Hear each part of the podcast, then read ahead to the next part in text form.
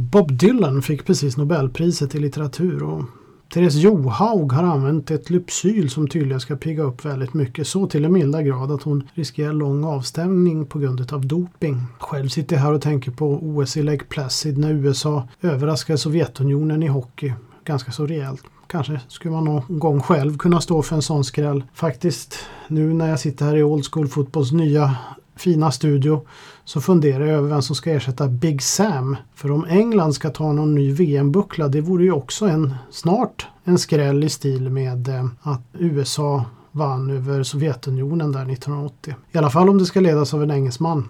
Det känns lite grann som valet har står mellan just en engelsman, vilket FA föredrog i samband med utnämningen av Sam Allardyce, eller, ja, eller en kompetent förbundskapten. Germany-England is off and underway in the Olympic Stadium in Munich. Come on England, let's get straight away and away from the grid in top gear. Sven, Sven, Sven-Goran Eriksson He's got Jimmy Savile Zegger, so how'd he get a lovely girlfriend? He tried so many players for the Holland game. Yeah, how do you forget Collymore? The say is insane. Michael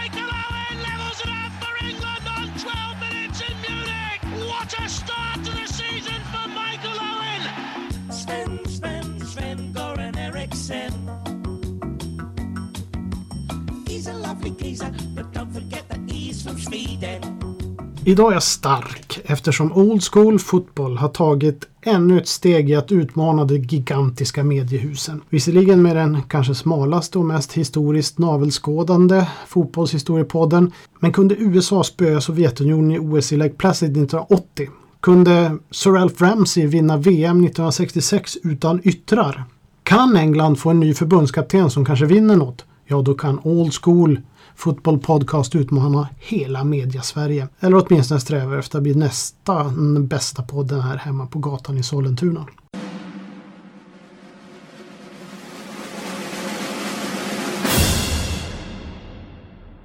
För inte så länge sedan togs faktiskt ett investeringsbeslut här hemma.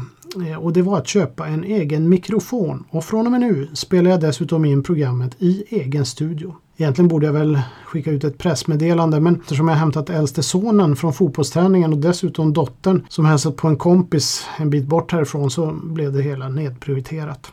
Och det är lite poängen med en egen studio också för fördelen med en egen studio är att jag nu kan genomföra aktuella inspelningar om inaktuella saker utan att för den skull behöva boka tid i någon studie eller vara hos någon. Det underlättar i det så kallade livspusslet för en trebarnsfar som jag. Nackdelen med egen studio, ja, det är väl att den är belägen i tvättstugan. Torsdagskvällar är dock bokade för inspelning av Old School-podden. Berget av tvätt dämpar faktiskt eh, alldeles perfekt om jag ska vara riktigt ärlig. Och så länge inte tvättmaskin eller torktumlare står på kan jag inte tänka mig en bättre studio. Så med risk för att ungdomarna blir utan rena kläder imorgon så tänkte jag ge mig ut på veckans irrfärder i den engelska fotbollen från förr. Och med anledning av Big Sams avgång och de engelska fotbollsledarnas trista belägenhet just nu i den absoluta toppfotbollen tänkte jag gråta ner i ett gammalt favoritämne nämligen den engelske managern som utdöd dinosaurie. Något jag skrev om för något år sedan faktiskt. Dessutom är det ju Manchester vs Liverpool i kommande omgång. City, Manchester City tar emot Everton och Liverpool FC tar emot Manchester United. Så varför inte följa två gamla legendarer till managers och deras benhårda konkurrens på 60 och början av 70-talet? Jag håller mig denna gång till Merseyside och fighten mellan Bill Shankly, Liverpools Bill Shankly och Evertons Harry Catterick. Någon gång framöver ber jag mig österut för att fokusera på Uniteds Matt Busby och Citys Joe Mercer. avslutningsvis tänkte jag ta en liten historia om Solsting, John Robertson, drömmar, Europacuptriumfer och när Brian Clough övervann maskinen Liverpool Football Club. Ni lyssnar på Old School Football Podcast och jag heter Per Malmqvist Stolt.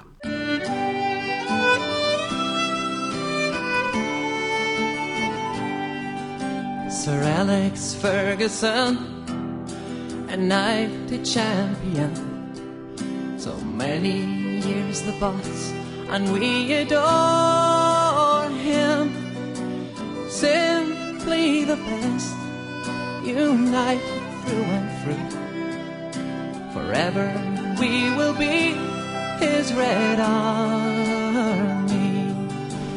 Born in Govan on the night of New Year's Eve. Came a boy with dreams to be a champion. And the rest is history. Now he's left a legacy. And he will be remembered forever. Sir Alex Ferguson, a knighted champion. So many years the boss, and we adore him. Simply the best, united through and. Forever we will be his red army.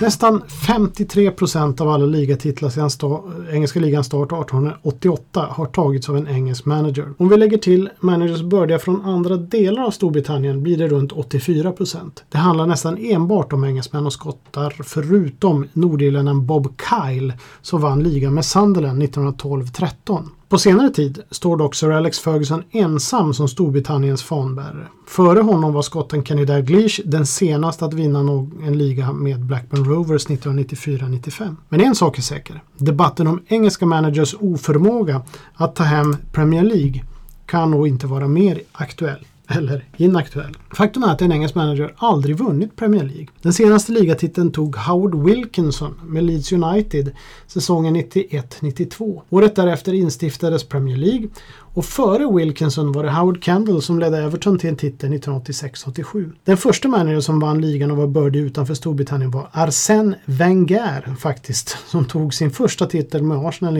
1997-98. Så pass sent var det. Men därför, därefter är det bara en skotte vid namn Sir Alex Ferguson som i egenskap av britt lyckats med konststycket att ta titlar. Å andra sidan har det gått rätt bra för honom. Med 13 ligatitlar är han den obestridde stjärnan på managerhimlen. Lite kittlande när man inser att drygt 11 procent av alla titlar sedan starten 1888 har lyfts av just Sir Alex. Det är dessutom en bit ned till andra plats som delas av skotten George Ramsay som tog sex ligatitlar med Aston Villa i slutet på 1800-talet och början av 1900-talet samt Bob Paisley i Liverpool som tog sina titlar mellan säsongen 1975-76 till säsongen 1982-83. Skottarna har dock varit framgångsrika fotbollsledare, det kan man konstatera. Av tio i topp är fem stycken från Skottland. Förutom Sir Alex och George Ramsay finns det Sir Matt Busby med sina fem titlar med Manchester United mellan säsongen 1951-52 till säsongen 66-67. Kenny Dalglish för Liverpool FC och Blackburn Rovers. Han var verksam mellan 85-86 till 1995 Samt Bill Shankly med sina tre titlar för Liverpool mellan 1963-64 fram till 72-73. På 90-talet var det endast en engelsk manager, återigen Howard Wilkinson, som tog hem ett mästerskap. Under 80-talet tog Bob Paisley tre med Liverpool, Howard Kendall två med Everton, Joe Fagan en med Liverpool och Ron Saunders fick ett mästerskap med Aston Villa. På 70-talet var en modern guldera för engelska managers med tre titlar för Liverpools Bob Paisley, Två för Brian Clough i vardera Derby och sen i Nottingham Forest. Samt en vardera för Harry Catterick Everton, Don Revy Leeds, Bertie Mee Arsenal. På 60-talet handlade det mycket om skottarna, Matt Busby och Bill Shankly, med två vardera. Men engelsmännen Harry Potts i Burnley, Bill Nicholson i Spurs, Sir Alf Ramsey i Ipswich, Harry Catterick i Everton igen, Joe Mercer i Manchester City och igen Don Revy i Leeds fick ihop till en titel vardera. I början av efterkrigstiden och eh, på 50-talet tog Wolverhamptons engelske tränare Stan Callis tre titlar vilket var flest tillsammans med skotten Matt Busby som fick ihop till lika många. Eh, så alltså mellan 46-47 till 1958-59 pratar vi om nu. Tom Whittaker i Arsenal och Bob Jackson i Portsmouth tog två vardera medan Ted Drake tog en för Chelsea och Arthur Rowe i Spurs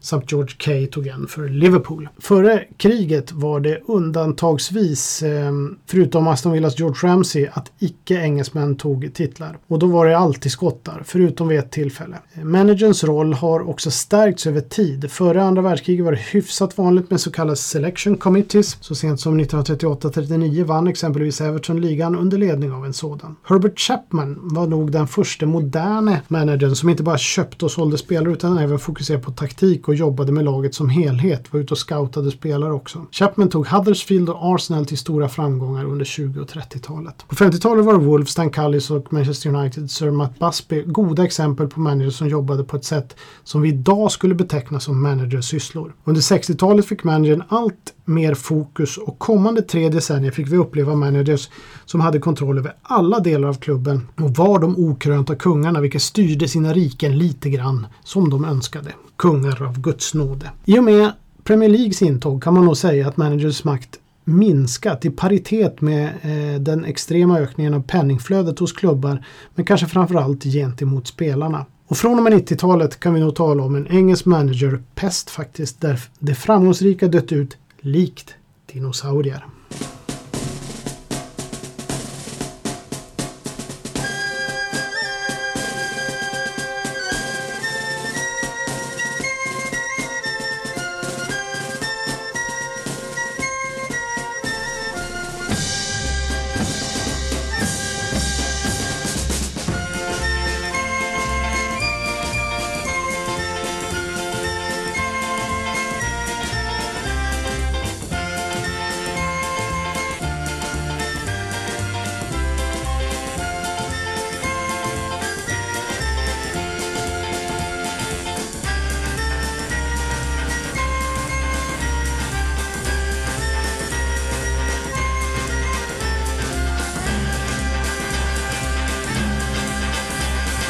Under hela 60-talet och några år in på 70-talet pågick ett intensivt kallt krig mellan två managers som inte kunde vara mer olika med den likheten att de ledde varsitt lag i en fotbollstokig stad.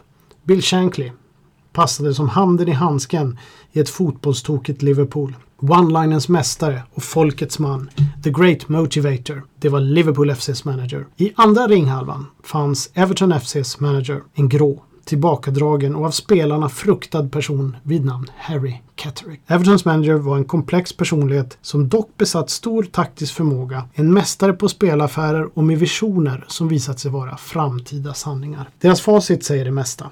Bill Shankleys placeringar från 1959-60 till 73-74 är som följer. Trea, trea och etta. Och det här är de tre första säsongerna som spelades i division 2, alltså nuvarande The Championship. Sen i högsta serien 8, 1, 7, 1, 5, 3, 2, 5, 5, 3, 1, 2 till dess att han slutade 1974. Lägg där till en uefa Cup-seger samt tre fa Cup-finaler varav två vinster. Harry Cattericks placeringar från 1961-62 han tog över Everton till 1972-73 när han var tvungen att sluta. Han blev petad egentligen men det var på grund av sjukdom får man väl säga ett krånglande hjärta. Hans placeringar var i högsta divisionen som följer. 4, 1, 3, 4, 11, 6, 5, 3, 1 och sen 14, 15 och, och 17 plats, inte 16. Dessutom två fa Cup-finaler varav en seger.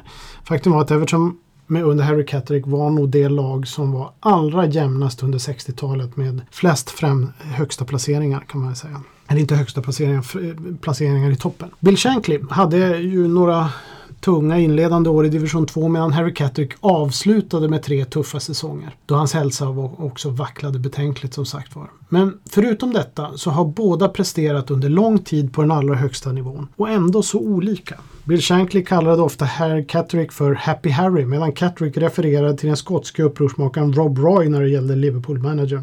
De var inte nära vänner, men kanske inte så stora ovänner som man kunde tro. Det var helt enkelt oerhört olika och styrde två lag i en stad där fotboll var religion och i stenhård konkurrens. Medan Shankly var god vän med managerkollegor som Matt Busby så odlade inte Catterick samma relationer. När Shankly var i Grimsby talade han gärna till publiken via högtalarsystemet och höll tal the, till The Cop på Anfield. Medan det var svårt att få Catterick att skriva något i matchprogrammet överhuvudtaget. Bill Shanklys dörr var alltid öppen medan Catterick låste om sig ute på Evertons berömda träningsanläggning Belfield, då toppmodern. Folkets man stod emot integritetens mest fundamentalistiska uttolkare. Under en period fick Catterick för sig att göra eh, Liverpool, staden Liverpool, Merseyside till en tv-fri zon och skickade representanter till Anfield för att prata om detta. Liverpool vill ju definitivt inte förbjuda tv-sändningar, allra minst Shankly själv, men eftersom Evertons starke man eh, Sir John Morse även var delägare i Liverpool Football Club vågade inte Liverpool tacka nej till ett sådant möte. Men allt rann ut i sanden. Istället blev just Merseyside-derbyt föremål för en tv-sändning, en av de största. FA-cupmatchen 1967 spelades på Goodison och sågs på en jätteskärm på Anfield. Totalt sett så var det över 100 000 åskådare. Två gånger har Catricks agerande dessutom fått Shankly att lämna in en avskedsansökan. I början på 60-talet avtalade Catterick med Liverpools ledning att köpa en ung kille från reservlaget vid namn Johnny Morrissey. Affären genomfördes snabbt bakom ryggen på Shankly som blev fly förbannad då Morrissey var en spelare Shanks trodde mycket på och såg som en del i Liverpools framtid. Men än värre var att direktörerna gjort affären i okunskap och utan att Shankly fått säga sitt. Detta skulle aldrig hända igen i Liverpool FC under Shanklys tid. Bill Shankly hade också under en längre tid följt den begåvade mittfältaren Howard Kendall och 1967 trodde alla att affären var ett faktum då det stod med stora tidningsrubriker. Men det visade sig vara Harry Catterick som duperat en journalist att exklusivt få tipset att Kendall var klar för Liverpool och inte Everton. I själva verket skrev Kendall på för Catterick och Everton samma dag. Även denna gång blev Shankly förbannad och lämnade in sin avskedsansökning som dock aldrig öppnades och blev liggande i ett skrivbord på Anfield. Om Harry Cattericks spratt var lite mer illasinnade så såg Shankly till att konstant skoja om Happy Harry. Och The Great Motivator visste var slipstenen skulle dras på sitt sätt. I samband med att Everton åkte ur Europacupen 1971 blev Catterick sjuk på planet och kunde inte vara med under den så viktiga fa Cup-semifinalen mot Liverpool på lördagen. När Everton-spelarna var på väg mot omklädningsrummet såg Shankly till att vara på plats för att eh, genomföra klassiska mind games alla Shanks. Och nu kommer jag dra det här på engelska för att det är svårt att översätta det, även om det låter lite illa. Hello boys, how are you? Shame about midweek. Och sen fortsatte han. Hinting a surprise. Where's Harry? Och någon svarade Oh he's not very well Bill, he, he isn't here. Jesus, they would have put a window in my coffin so I didn't miss the game. Och just det här fönstret i kistan är en klassiker. Och den här matchen blev också den match där man sa att hegemonin vände på Merseyside. Det var här Shankly tog eh, Liverpool förbi Everton och man skulle ta eh, på sig ledartröjan framöver också. Det finns också en historia om när Bill Shankly dyker upp på Belfield med lite kycklingsoppa efter att Harry Catter kommit tillbaks efter sin sjukdom och frågar om anfallaren David Johnson och eh, centerforwarden Joe Royle till salu. Det är alltså två olikheter i tuff konkurrens eh, i en stad där fotbollen var och faktiskt är en religion. Men de kunde samtidigt förstå varandra i sättet att spela fotboll. När Everton vann ligan 1969-70 med ett fantastiskt spel så blev ändå Leeds Don Revy utsedd till Manager of the Year. Och då gick faktiskt eh, Shankly Shankly ut och konstaterade att Catterick borde vara lite bitter över det här med tanke på vilket sätt han har vunnit ligan. Det fanns en unik och mustig färgrikedom över rivalerna Shankly och Catterick, över Everton och Liverpool, som kanske egentligen inte längre finns där. Tyvärr.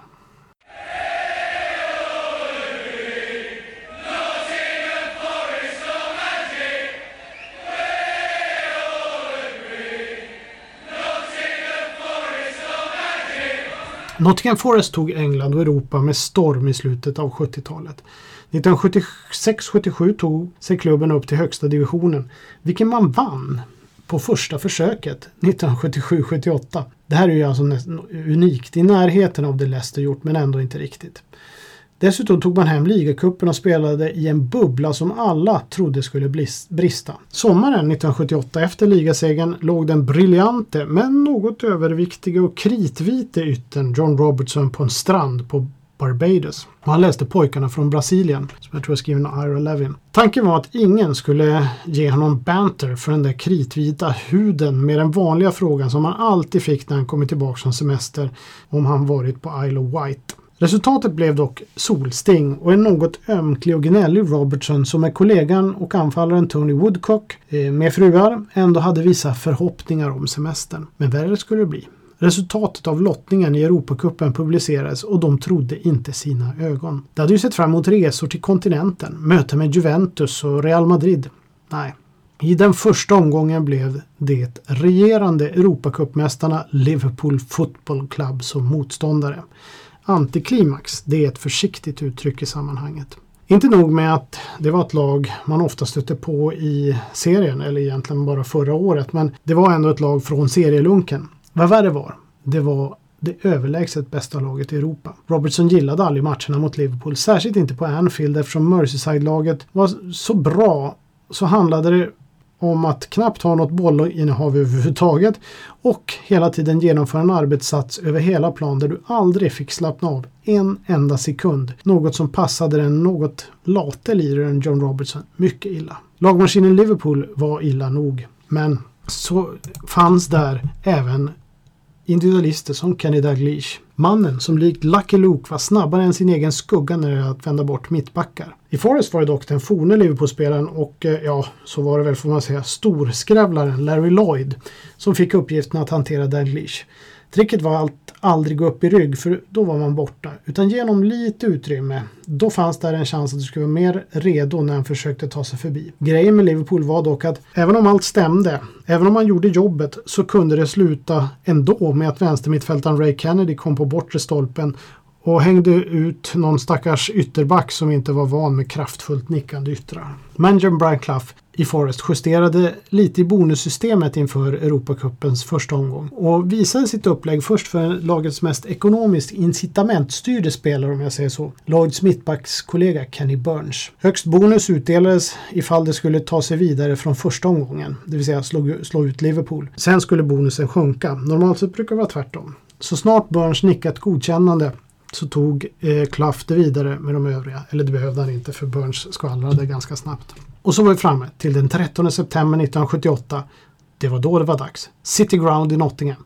Uppstickan Forest mot Europacupmästarna och mäktiga Liverpool Football Club. Sällan eller aldrig har väl City Ground rockat så mycket som just denna kväll. European Nights på vardagarna onsdagar under The Floodlights är många engelska fotbollslagsfans upphov till de kanske allra finaste minnena. Upplevelser som inte finns kvar längre. Inte på samma sätt. Just denna kväll blev också magisk för Nottingham. Lloyd höll Dalglish stången och fick ytterligare fog för favoritskämtet som han hade. Det vill säga när han tittade ner i skjortfickan och sa Du kan komma ut nu Kenny. Nyförvärvet och Peter Withseds ersättare Gary Burtis var het. I första halvlek skickar Kenny Burns upp en boll som skarvas av Ian Boyer och når fram till en fristående Tony Woodcock som i sin tur spelar bollen i sidled och Burtis kan rulla in bollen i öppet mål. 1-0. Forrest står sedan emot Liverpool och Peter Shilton är magnifik i målet.